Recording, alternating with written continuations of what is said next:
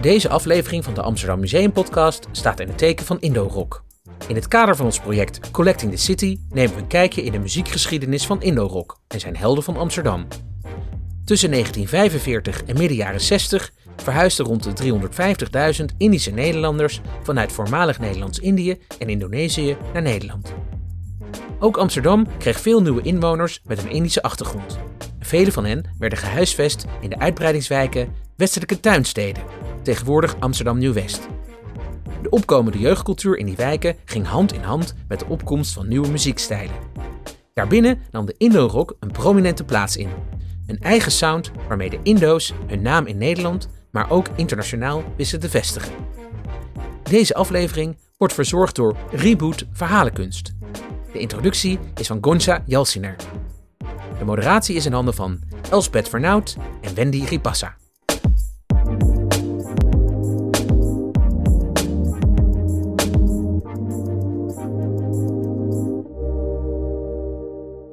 Welkom bij AM Stories. Mijn naam is Gonja Jaltjenaar en we hebben vandaag een hele bijzondere uitzending over Indo-rock in Amsterdam. Het Amsterdam Museum heeft in samenwerking met het Van Eesteren Museum bijzondere verhalen opgehaald die horen bij de tentoonstelling We Built This City on Rock and Roll te zien in het Van Eesteren. Om dit mogelijk te kunnen maken hebben we een hele bijzondere partij benaderd, namelijk Reboot Verhalenkunst. En zij gaan dit hele programma leiden. Dus ik draag zo meteen het stokje met alle liefde over, want zelf ben ik ook heel erg benieuwd naar welke verhalen zij met ons willen delen. Dit moment is voor het Amsterdam Museum ook heel erg belangrijk, want wij delen graag het podium. We zijn heel erg benieuwd naar op welke verschillende manieren, via verschillende disciplines, er verhalen in de stad opgehaald kunnen worden. En het liefst brengen wij al deze verhalen samen in 2025, als onze stad precies 750 jaar oud is. Ik ga het niet langer maken. Ik wil heel graag Reboot Verhalenkunst uh, introduceren. Zij zijn een collectief dat publiek en musea met elkaar verbindt door middel van persoonlijke verhalen. Op basis van die verhalen maken zij podiumprogramma's of zoals vandaag dus een livestream vanuit het Amsterdam Museum. Reboot bestaat uit Martijn Grotendorst, Wendy Ripassa en Elsbeth Vernout, want zij zit naast mij. Elsbeth, welkom. Dankjewel. Nou, een mooiere introductie kan ik me niet uh, voorstellen. Uh, welkom in deze Indo-rock kelder. We hebben de boel een beetje verbouwd. Um, ik ben dus Elsbeth Vernout van uh, Reboot Verhalenkunst. En wij vinden het een fantastische eer om hier dit programma te mogen hosten. Um, ik zal jullie even door het programma leiden. Um, allereerst straks bij ons aan tafel Anouk de Wit van het Van Eesteren Museum. En Gonja die schuift dan ook aan. Um, en met hun gaan we praten over de jeugdcultuur in Amsterdam in de jaren 50, 60 en 70. We zijn heel benieuwd. En uh, ook gaan we praten over het belang van het verzamelen van verhalen uit de stad, waar Gonsja het net al over had. Uh, daarna zal Martijn Grotendorst, ook een rebooter van het eerste uur, uh, jullie eigenlijk aan de hand nemen door de geschiedenis van de Indorok. En uh, dan vooral in Amsterdam. Want als je aan Indorok denkt, denk je meestal eerst aan Den Haag. Maar nee, ook in Amsterdam. En dan vooral Amsterdam-West, westelijke tuinsteden, was Indorok groot. Dus we horen er straks alles over. Uh, dan hebben we nog meer bijzondere gasten. Onder andere uh, Raymond Berghaan is de gast. En hij is de helft van het legendarische Indo-pop duo, de Candy Kids. En al op zijn negende maakte hij furoren in Amsterdam, maar ook ver daarbuiten. We gaan het straks horen. En te gast hebben we uh, Ronnie Dumas. Hij is Indorocker van het eerste uur, geboren en getogen. Uh, nou, niet geboren, maar wel getogen hier in Amsterdam-West. En uh, hij gaat jullie vertellen over de, de hoogtijdagen van de Indorok in de stad. En Moos de Wallen, en dat is een telg van de jonge generatie. Moos de Wallen bijna afgestudeerd aan de Herman Brood Academie. En uh, ja, hij is nou echt van de volgende generatie die Indorok verder wil brengen. Dus kortom, een vol programma en uh, heel veel plezier. Bij ons aan tafel nu eerst uh, Anouk de Wit, directeur van het Van Eesteren Museum. Anouk, jullie museum is nog dicht, ja. maar gaat weer open. En dan kunnen we allemaal de tentoonstelling We Built This City on Rock and Roll gaan bekijken. Die daarna nog uh, tot en met 27 juni uh, te bezichtigen is. Ja, en waarschijnlijk langer. Ik ben nu bezig. Langer. Ik wil hem graag verlengen, want Goed niemand nieuws. heeft het kunnen zien. Nee, vertel er eens wat over. Nou, wij zijn uh, in het Van Eesteren Museum in Nieuw-West. Het is een museum in Nieuw-West. bestaat tien jaar. En wij besteden aandacht aan nou, de wederopbouwcultuur, hè, de naoorlogse ruimtelijke ordening en hoe die tuinstad geordend is. En dat doen we nu al tien jaar. En na tien jaar dachten we, ja, er wonen hier toch ook heel veel mensen. Dus laten we, laten we eens verbreden in ons programma. Uh, want er zijn heel veel thema's die je kunt verbinden aan het wonen daar uh, en aan de wederopbouwperiode. Uh, want de wederopbouwperiode is ook de tijd waarin alle nieuwe muziek opkomt. En die waait over naar Nederland. Uh, uit Engeland en uit Amerika. Uh, dus wij dachten, we maken een tentoonstelling uh, over rock en roll en jeugdcultuur na de Tweede Wereldoorlog. En dat hebben we samen gedaan met een fotograaf, Gijsbert Hanekroot. die al vanaf ja, 1969, dat is net na de wederopbouw eigenlijk, maar vanaf die tijd alle grote pop-iconen voor zijn lens heeft gehad. Maar goed, dan denk je altijd, is leuk al die foto's en al die helden. Maar wat betekent dat voor hier? En hoe moet ik dan die jeugdcultuur in die tijd uh, voor me zien? Uh, Nozums, dijkers, pleiners, kun je daar Ja, nou, uh, na de Tweede Wereldoorlog krijgt de jeugd echt een eigen stem. En ze hebben ook baantjes, ze verdienen wat, ze hebben wat geld, hè, ze kopen singeltjes. En ze zetten zich af tegen hun ouders en tegen het gezag. En dat zie je natuurlijk al heel snel, hè, dus 47, uh, we bouwen op hè, na de Tweede Wereldoorlog. Alles komt een beetje uit het slop. Uh, maar het is nog ook wel een heel benauwende tijd allemaal. Uh, en daar zetten zij zich tegen af. En dat doen ze natuurlijk met vette muziek, met brommers, hè, krijtlers en poegs. Um, en met kuiven, met hun kleding en met elkaar door samen te komen en muziek te maken of gewoon buiten rond te hangen op de steiger. Um, en dat, uh, ja, dat begint eigenlijk in die vroege jaren. Uh, de tuinsteden die zijn ontworpen voor de Tweede Wereldoorlog. Bedacht als grote uh, uitbreiding van de stad. Maar pas gebouwd na de Tweede Wereldoorlog. En de eerste tuinstad, Slotermeer, ja, die wordt door koningin Juliana geopend in 1951. En in die tijd komen er ook heel veel uh, uh, ja, Indo's, zeg maar, eh, door, vanwege de repatriëring en de verzelfstandiging van Indonesië naar Nederland. en die komen daar te wonen in Slotermeer en in Slotervaart.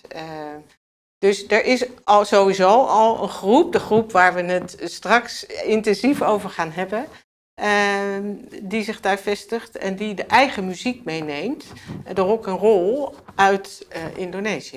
Ja, ja, dus die zogenaamde repatriëring die brengt nieuwe muzikanten naar Amsterdam, naar de westelijke tuinsteden. Ja, en die hebben daar ook heel specifieke plekken, zoals aan plein 4045, Hotel Slotania, eh, waar ze optreden, waar ze elkaar zien. Kijk, dit is sowieso een tijd waarin er voor jeugd heel weinig is.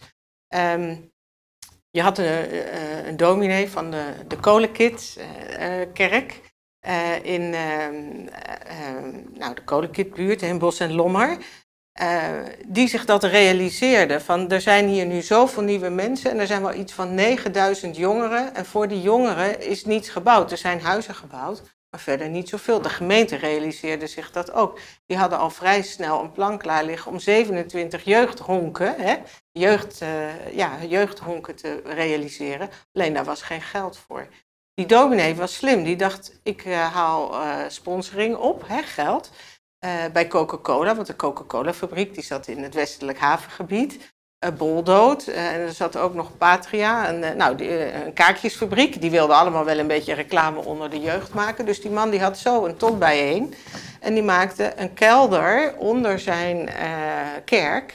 Uh, als jeugdsoos. En is dat dan, was dat dan ook een, een belangrijke plek voor de Indo-rock, waar de Indo-rock uh, gerepeteerd werd? Nou, ik, ik hoorde van Ronnie dat hij er wel een keer heeft uh, opgetreden, maar dat moet hij misschien beter zelf vertellen. Maar er zijn veel foto's van wat de jeugd daar deed. En wat je ook in die jeugdhonken ziet, het jeugdwerk komt ook op gang, hè, zo helemaal zo in de jaren 70. Dan, dan vanaf de late jaren 60 dan worden die plannen voor die 27 uh, jeugdsozen, die worden ook gerealiseerd. Dus die verschijnen in Osdorp en, in, en dat waren plekken waar de jeugd samenkwam.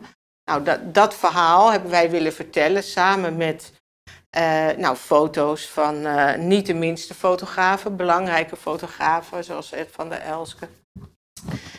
Die nou, naar de kermis op de Wallen, hè, daar had je echt ja, de dijkers. Je had, van die clubs na de oorlog, jongeren die op, rondom de Nieuwe Dijk en de Zeedijk rondhingen en ook naar de kermis gingen. En die hadden van die buikschuifbrommers hè, en meisjes met petticoats en enorme suikerspinnen, leren jacks. nou, dat, ja, je had ook de pleiners en dat was de jeugd die ook vanuit Nieuw-West, maar ook vanuit andere delen in de stad, samenkwam rondom de cafés in, bij Reinders in, op het Leidseplein. Ja, die waren wat meer richting de hippies, hè, met suède jasjes en uh, lange haren. Uh, en die zetten graag een boom op over wat intellectuele onderwerpen. Dus die waren weer wat minder uh, rock. en die groepen, ja, die clashten ook wel. En ja, je had ook groepen in Nieuw-West, waar je dus ja, ik zal niet zeggen gangs, maar je had dus groepen nieuwe nieuwkomers. Uh, nou, vanuit uh, heel Nederland en vanuit de Amsterdamse binnenstad. En die gingen ook wel eens hard tegen hard. nou, daar heeft bijvoorbeeld Ingrid Hogevorst, ehm, zij is opgegroeid in de kolenkit en ze zat op school in Osdorp. Ehm, heeft daar een hele roman over geschreven, Woede. Maar ze heeft voor ons ook in de tentoonstelling, ja, ze heeft ook een verhaal geschreven over haar eerste concert dat ze met een groepje de stad uitging om te kijken naar de outsiders. Hè? Want dat zijn allemaal dat soort bandjes, de outsiders, de shadows, eh, die opkomen. En dan later natuurlijk Mick Jagger enzovoort. Dus, uh, nou, en nu is dat natuurlijk nog steeds. Alleen toen waren de groepen veel eenduidiger. Ja. En ja, wij, wij willen heel graag ook met jeugdigen van nu in gesprek. Maar corona heeft een beetje ons heel, hele programma door de war gegooid. Omdat dat nu ja. toch, ja, als je muziek wil maken, dat gaan we ook niet digitaal doen. Hè? Dus, nou, uh, wacht maar af. Straks hebben wij nog wat voor jou in petto. Ik wil even naar Gontja gaan, ja. want uh, hoe groot was jouw uh, suikerspin? Oud ben ik niet. Oh, ik zie het wel voor me hoor, bij jou. Ja, ik denk dat ik dat ook wel ja, echt had gedaan hoor. Ik het ook wel. Ja, ja zeker weten. zo, uh, petticoat. Ja, ik had wel zelf op een brommer gereden. Ik denk niet dat ik achterop was gegaan. Interessant. Ja. Uh, nou, je hebt net zelf al wat verteld hè, over uh, Collecting the City in het kader van 750 jaar Amsterdam. Ja. Um, waarom is het voor het Amsterdam Museum zo belangrijk om verhalen te verzamelen in de stad? Nou, het is ontzettend belangrijk om verhalen te verzamelen uh, die verteld worden door verschillende Amsterdammers, waarvan zij het belangrijk vinden dat die bewaard worden voor de volgende generaties. Um, en het is belangrijk voor ons als museum uh, ook vanuit het kader van representatie, maar ook de herkenning die je wilt hebben bij je publiek op het moment dat ze bij, bij jou in het museum uh, langskomen. Dus daar is het ontzettend belangrijk voor. Dus we zijn op dit moment uh, op zoek naar verhalen die, die wij nog niet in, in, in onze collectie hebben, die we nog niet voldoende hebben verteld, die we verder willen verdiepen. En dat willen we het liefste doen, echt in co-creatie met mensen die die verhalen hebben. Dus dat zij ons vertellen hoe wij die verhalen tot uiting moeten brengen. En uh, daarom ben ik dus ook heel erg blij met de samenwerking met Van Eesteren, waarbij we uh, muziek eigenlijk aan het uh, verzamelen zijn, of de geschiedenis over, over Indo-rock inzichtelijk maken en kunnen ja. delen. En ehm, zijn er dan alle verhalen welkom? Want het is nogal wat. Ik bedoel, hoeveel verhalen heeft deze stad wel niet? Waar leggen jullie de grens? Nee, er is geen grens. Um, en er is ook geen grens bij uh, wat een Amsterdammer of zo, of geen beperking bij wat een Amsterdammer zou zijn. Dus iedereen die zich een Amsterdammer noemt en een bijzonder verhaal te vertellen heeft, die kan met ons in, uh, in contact raken. Wat we wel doen is we werken uh, met, met groepen. We, we, we kijken wel naar wie vinden dit verhaal nog meer belangrijk? En wat is de weerklank? En wat kunnen we er nog meer mee doen? Dus we proberen wel meteen eigenlijk, ja, je moet het een beetje zien in, in een soort van olievlekken, meteen een olievlek uh, uh, te zien als, oké, wat, wat bereik je daarmee? Wie kunnen we daar nog meer bij, uh, bij aansluiten? Um, dus dat is wel, wel belangrijk. Het moet ertoe doen voor jou natuurlijk als persoon. Maar het moet ook een weerklank hebben, een betekenis hebben voor degene die er naar luistert of die er naar komt ja. luisteren. En ja. uh, wat wist jij van Indorok? Wist jij dat er zoveel van die bandjes waren nee. in de jaren 60, 70? Nee, dat wist ik niet. Dus ik was ook heel blij met het verhaal van Anouk uh, net, die het heel inzichtelijk maakt. Ja. En um, nee, dat wist ik inderdaad niet. Dus nee. het was voor mij ook echt een verrijking. Ja. Nou, dan ga je straks nog uh, veel horen, hoop ja. ik. Ja. Um, bedankt allebei voor dit gesprek, deze korte introductie. En wij gaan nu verder. Uh, we gaan nu kijken naar de trailer van Klanken van Oorsprong. En dat is een hele bijzondere documentaire die Hetty Nijkens maakte over de vele muzikanten in Nederland met een Indische achtergrond. En hun invloed op de muziek. En uh, daarna leidt Martijn jullie door de geschiedenis van Inderok in Amsterdam.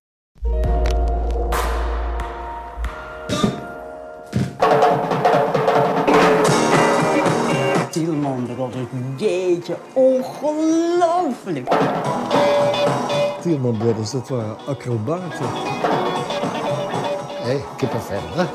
Dat show-effect, dat zat al in de Indo zelf, hè? Alles wat hij doet, doet hij met show. Ruud en was stik jaloers. Dat wilden wij eigenlijk ook graag. Maar wij zaten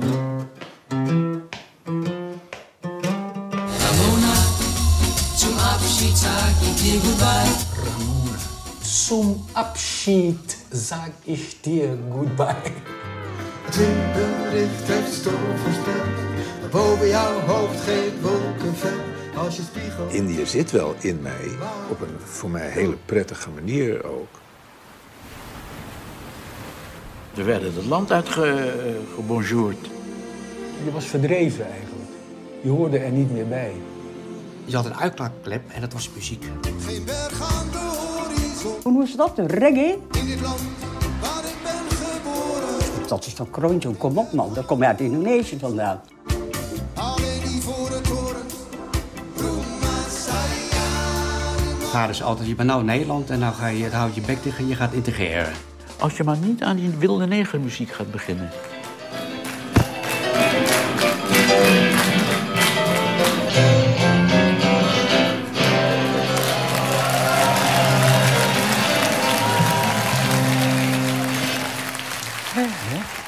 Eerst maar een. Ik zag een, de trailer van Klanken van Oorsprong uh, gemaakt door Hetty Nijkens. En u zag het begin de Tielman Brothers en uh, Anneke Greunlo daar enthousiast op reageren. Eerder in het gesprek kwam Mick Jagger voorbij. Ik kan u vertellen, dat is geen Indo-rocker. Um, wat is Indo-rock dan eigenlijk wel? Want het wordt wel zomaar genoemd, maar ik kan me voorstellen dat u als, als bleuye kijker geen idee heeft. Dus dat ga ik even aan u vertellen. En vooral dan het echte, allereerste begin. En uh, dat eindigde, wordt in het algemeen zo gezegd, met het optreden van de Beatles uh, in Blokker. In een veilinghal. Ik doe een korte uh, ronde um, door die tijd. In um, Indonesië kon je gewoon naar de radio luisteren. Uh, hier ook. Maar in Indonesië uh, kon je naar de Australische radio luisteren en naar de Filipijnse radio. En het draaide gewoon rock en roll. En hier um, was die muziek er natuurlijk wel, maar op de radio was die bijna niet. Ze zaten nog een beetje in de uh, voorzichtige, voorzichtige hoek.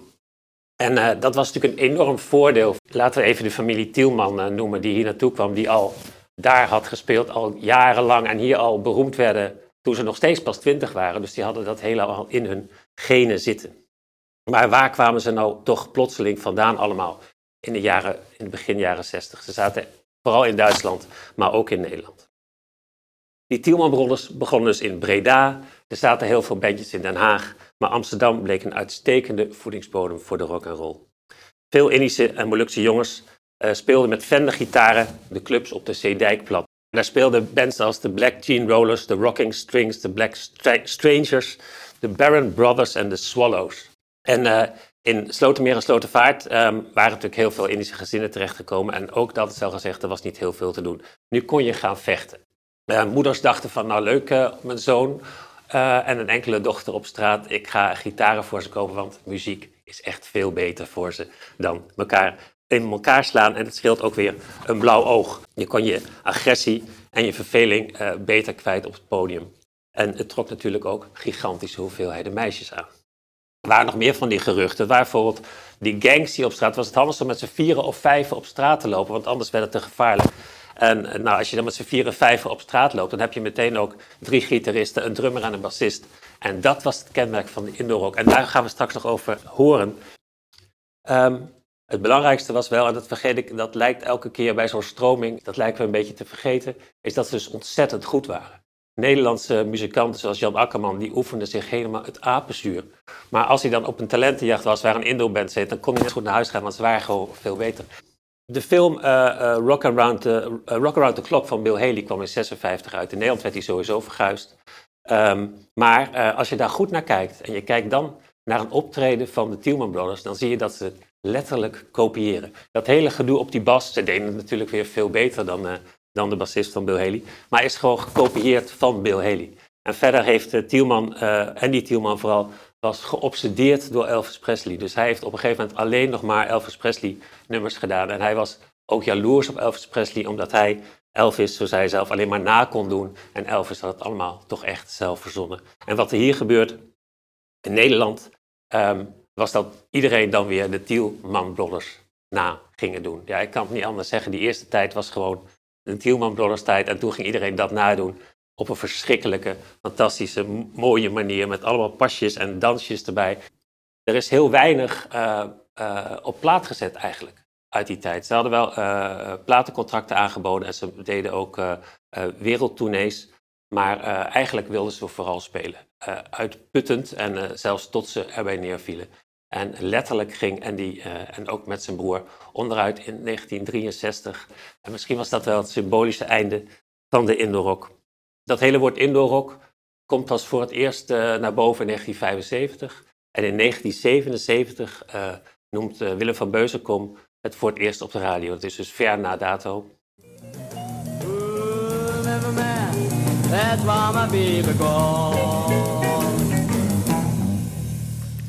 Roy Michaels en Electric Johnny en de Skyrockets, exponenten van de Indo-rock want het mag niet onvermeld blijven dat de meeste nederrock gemaakt werd door uit Indonesië afkomstige Nederlanders. Maar dat optreden van de Tielman Brothers, daar was ik graag geweest. Maar voor mij uh, kwam het allemaal goed. Want door een samenloop van omstandigheden mocht ik in 2011 allerlaatste concert van Andy Tielman op de Tong Tong verfilmen. Dat was, uh, ja, u snapt dat al, ontroerend mooi.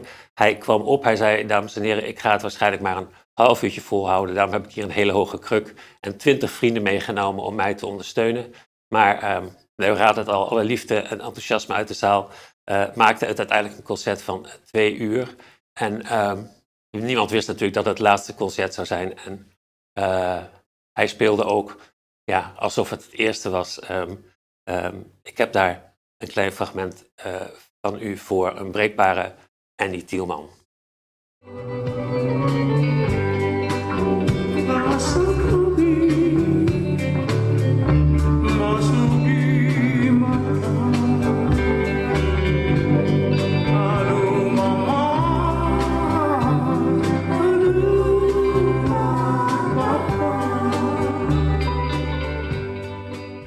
Dat concert dus in 1964, daar kon ik niet bij zijn. Maar uh, wie er wel bij was, of wie er wel bij waren, dat waren de Candy Kids. En de Candy Kids speelden namelijk in het voorprogramma van de Beatles in Blokker. En omdat die jongens uit Liverpool door die gillende meisjes uh, tegen werden gehouden en vertraagd op de grachten, uh, had de organisatie bedacht dat ze een hele trits Nederlanders, waaronder Ria Valk, uh, uh, konden uitnodigen om het voorprogramma op te rekken. Maar die werden allemaal de zaal uitgebonjourd. Behalve natuurlijk die jongens uit Slotervaart, de Candy Kids. Om de cirkel rond te maken en om het voor mij vooral helemaal weer goed te maken, hebben we een van de Candy Kids vandaag in de studio, Raymond Bergaan.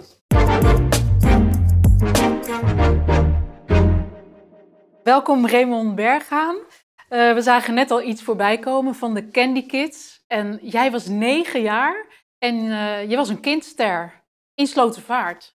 Vertel. Dat klopt. Wij uh, logeerden in die periode vrij veel bij neven in Eemnes. En die familie, dat was vrij muzikaal. Dus die hebben ons ertoe aangezet om dus inderdaad wat te gaan doen in de muziek.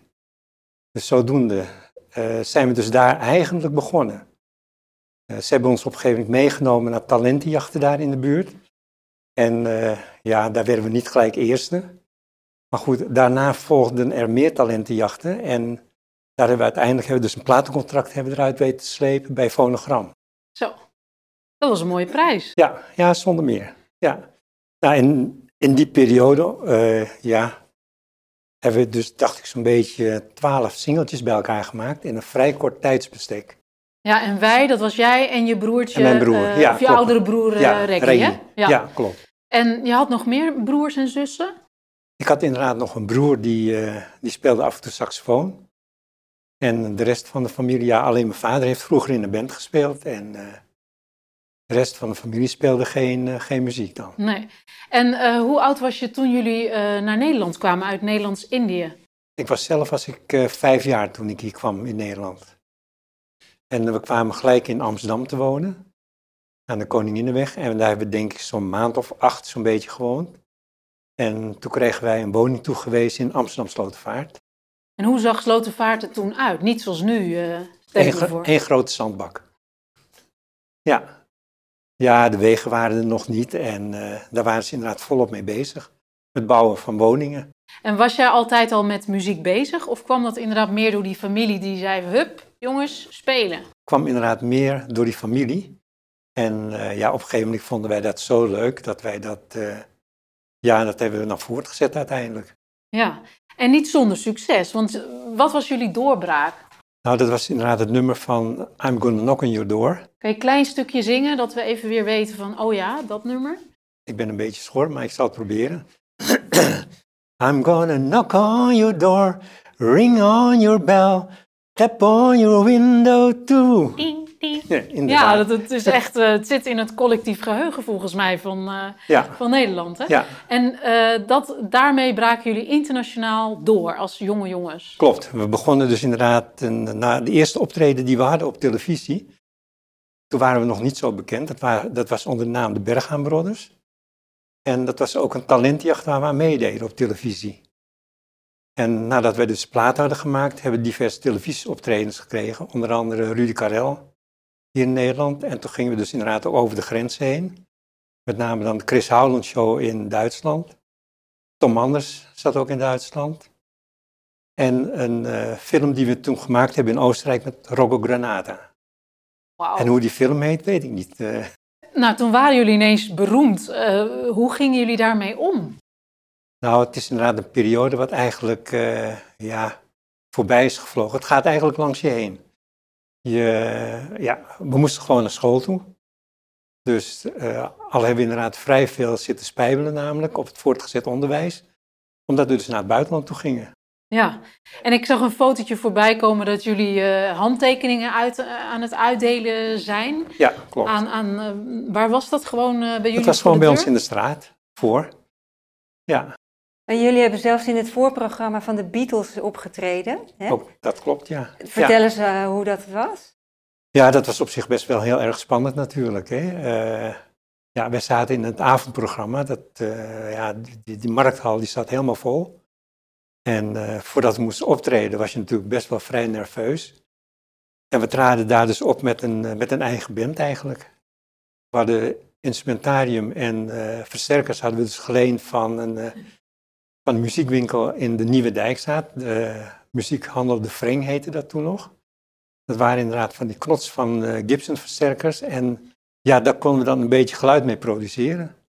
En ik moet ook zeggen dat het, uh, ja, dat het toch wel redelijk succes, succesvol optreden was geweest. Ja, ja.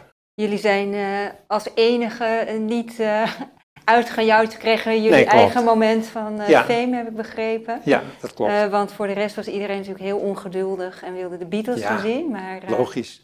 Daar kom jullie je hebben voor, ook heel veel applaus gekregen. Ja. Was dat ook het moment waarop je de, de gitaarriem van George Harrison Nou, ontving? het was na, na afloop van het optreden van de Beatles.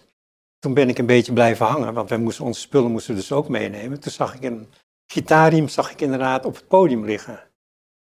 Dus toen dacht ik van nou, ik neem hem gewoon even mee. Dus dat heb ik dus gedaan. Het vervelende is inderdaad alleen dat, uh, ja, daarna heb ik dus inderdaad divers gitaar heb ik dus ingeruild en gekocht. En daar is de riem ook in meegegaan. Oh, je hebt Spijtig. hem niet meer. Nee, En die was dus echt van George Harrison? Of dat ja, klopt. Ja, Hm, die had hier mooi in het museum eh gestaan. ja zonder meer. En nou, hoe kijk je nou terug op die tijd als kindster bij de Candy Kids? Eh, nou, was op zich een hele leuke periode. Wij hebben toen, eh, toen wij die plaatjes maakten, hebben we heel veel getoerd hier door Nederland heen. Want Fonogram had dus inderdaad vrij veel eh, avonden waar ze dus inderdaad dus promotie maakten voor hun artiesten. En daar werd dus stevast begeleid door het orkest van Harry de Groot en Eddie Christiani als gitarist. En dat ging verder, ging verder altijd prima. Ja, één keer hebben we inderdaad een meningsverschil gehad. Toen was Eddie Christiani was gigantisch boos op ons geworden. Want wij moesten optreden. En toen hebben we dus inderdaad ons gitaar hebben dus gewoon op het gehoor afgestemd. En dat zat er net tegenaan. Dus we hebben dus niet een piano erbij gehad om het af, eh, om, of een eh, stemvork of zo, om het dus eh, te stemmen. Dus, maar goed, dat vonden ze niet leuk, omdat dus de stemming er net tegenaan zat. Maar goed, verder is het altijd goed gegaan, eh, ja. Je noemde net eh, twee eh, termen, hè? Indo-pop en Indo-rock. ja. Hoe zou je het verschil definiëren? Nou, Indopop is eigenlijk meer het muziek van, van de Blue Diamonds. Sandra Remer. Nou ja, de Candy Kids dan. En daarnaast had je dan ook, ja, Jack en Bill had je dus ook in die periode. Maar die zongen dus wat meer, wat, wat, wat kinderliedjes zongen die. En eh, ja, Indorok, dat is in feite dan de, de Crazy Rockers. Eh, de Tielman Brothers is in feite. Dus dat, dat is in feite dus echt het Indorok gebeuren. Het, het ruigere Ja, werk, klopt. zeg Ja. maar. Ja. Ja. Ten opzichte van wat eh zachtere Ja, het- muziek. Ja, klopt. Ja. Ja. Al was dat natuurlijk, ja, je kon het verschil toch wel horen hoor. Net wat je zegt, de Indorok dat was wat ruigere muziek. En de Indopop dat was, eh, ja, weer wat me- melodieus. Dan wil ik niet zeggen dat Indorok niet melodieus was, maar het was net wat je zegt. Het, het Meer was- stemmige zang. en, Ja, eh, klopt. Ja. Nou, dankjewel, Raymond. We gaan naar een korte reportage kijken, van, eh, ook van Indo-rockers van het eerste uur.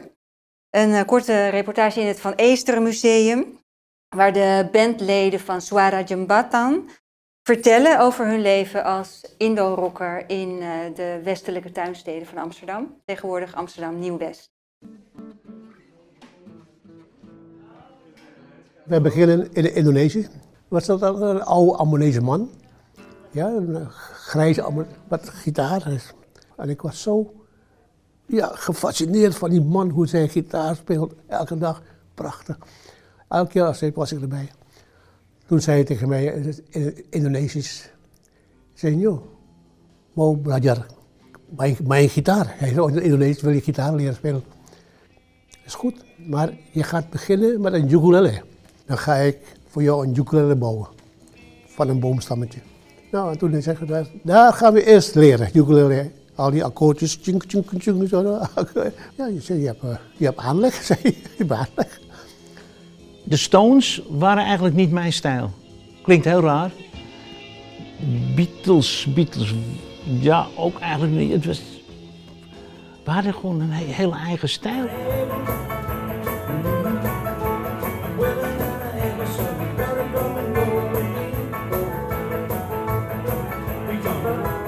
Ik zat toen met Ron en met Leo's oefende daarin bij. Ja, die optredens die kwamen als het ware vanzelf.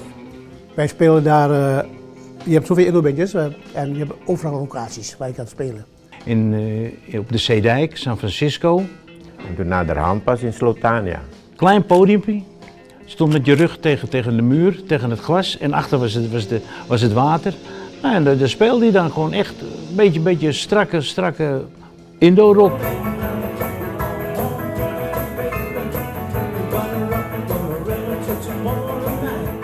Allemaal zo'n mooie, zo'n mooie eh, Colbert. Ja. Met zijn eh, geel-oranje was dat, ja. Toen spelen we vanaf ja, 8 uur s avonds tot uh, een uur of één. Maar er was ook heel veel concurrentie onder elkaar. Ook, ook niet van de muzikanten, ook van het publiek. En meestal ging het, ging om, een meisje. Ja, je kon niet uh, één toon spelen op die basgitaar. Er zat er eentje al zo te kijken naar je. Ja, ja. oh, is prachtig, ja.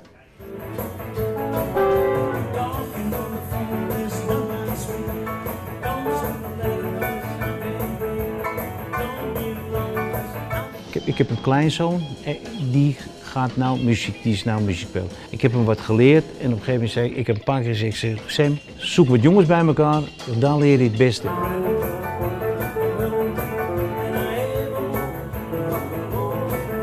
Ik zit iedere dag te spelen.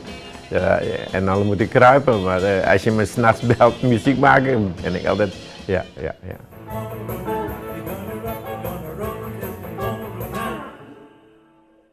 Zo zeggen die Indo's dat het hoeft niet mooi, als maar hard.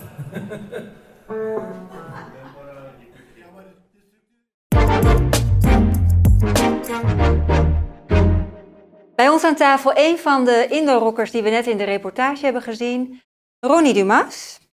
Ronnie, uh, welkom. Je bent geboren op uh, Celebes, ja. Sulawesi tegenwoordig, Indonesië. En in 1956 kwam je met je familie naar Nederland en na wat omzwervingen ben je uiteindelijk in, in Amsterdam Nieuw-West terechtgekomen.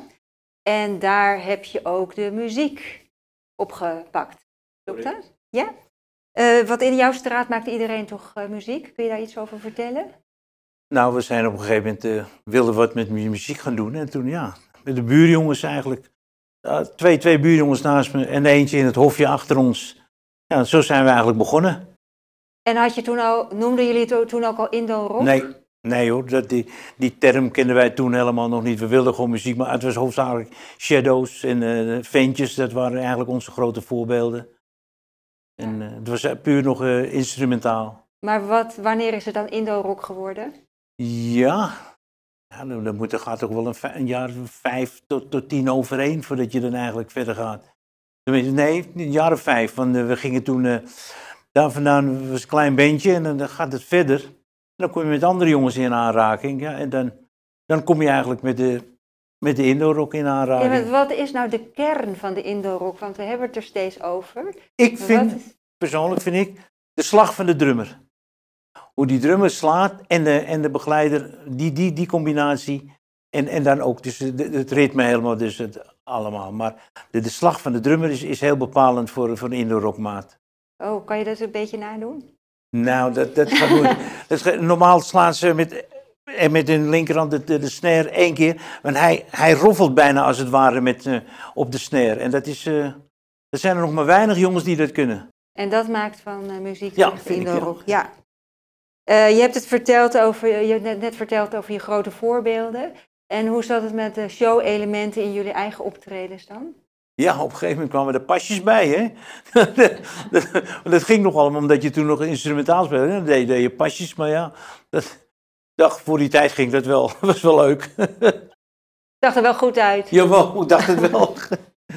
nou, je vertelde ook dat jullie uh, optraden op de Zeedijk. Ja. In uh, cafés daar. Sommige, een van die cafés bestaat volgens mij nog.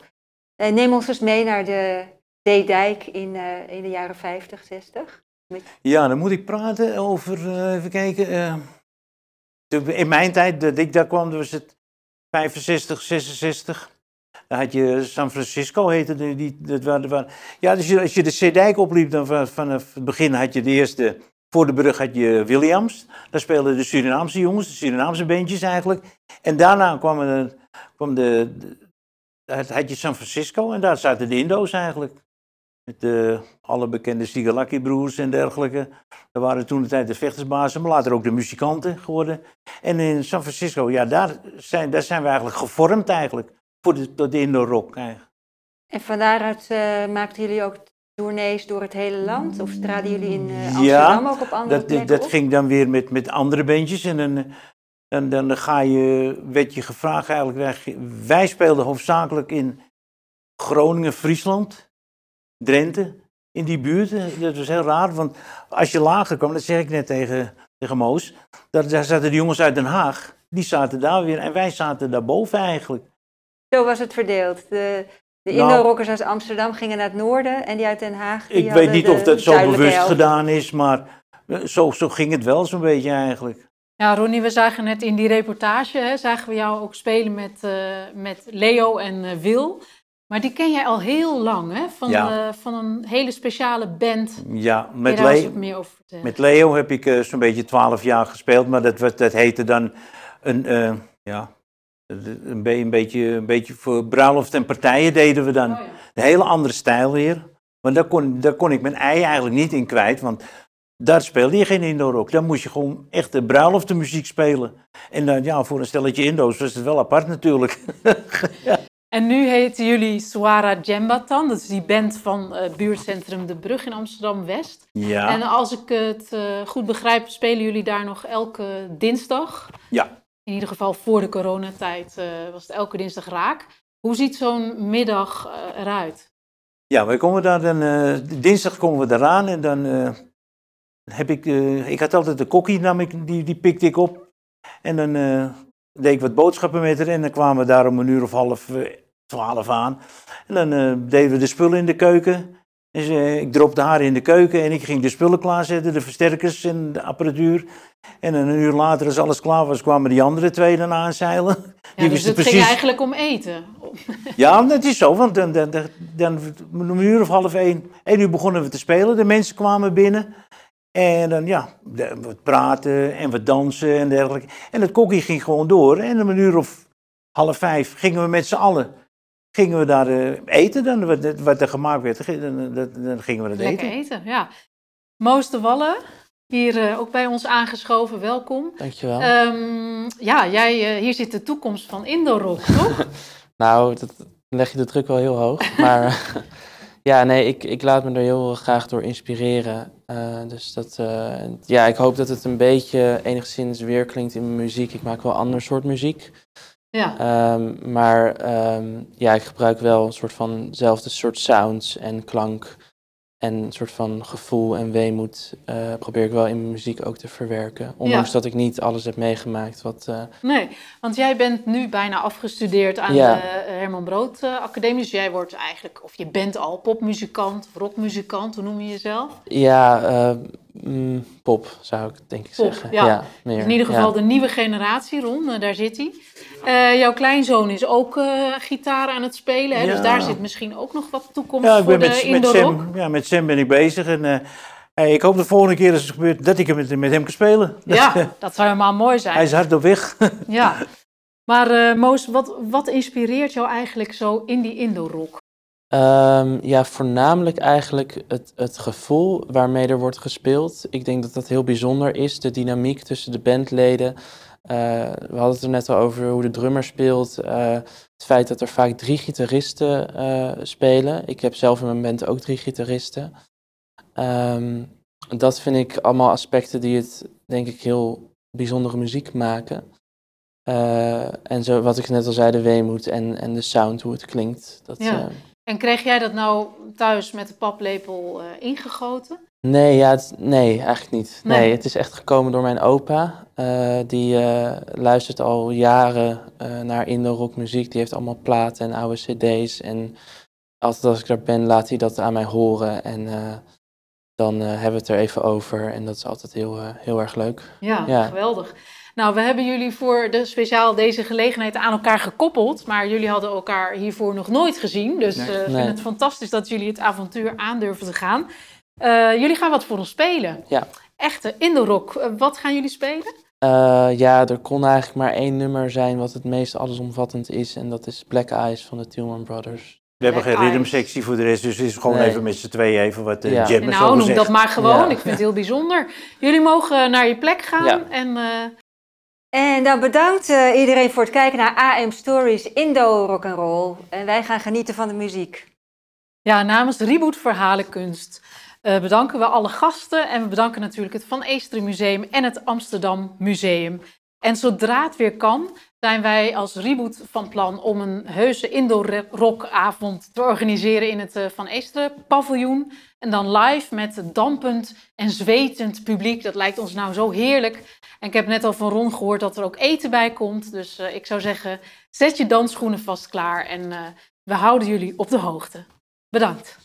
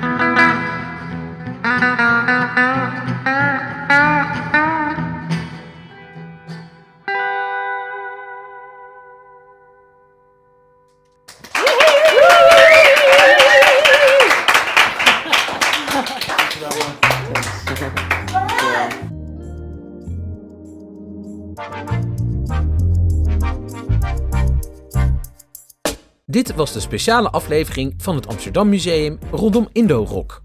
Wil je de hele uitzending terugkijken? Dan kan dat op onze website www.amsterdammuseum.nl. Als je wilt reageren op deze podcast, dan kan dat door te mailen naar podcast@amsterdammuseum.nl. Dank aan alle gasten en aan u voor het luisteren. Volgende week zijn we weer terug met een aflevering van I'm Live. Tot dan!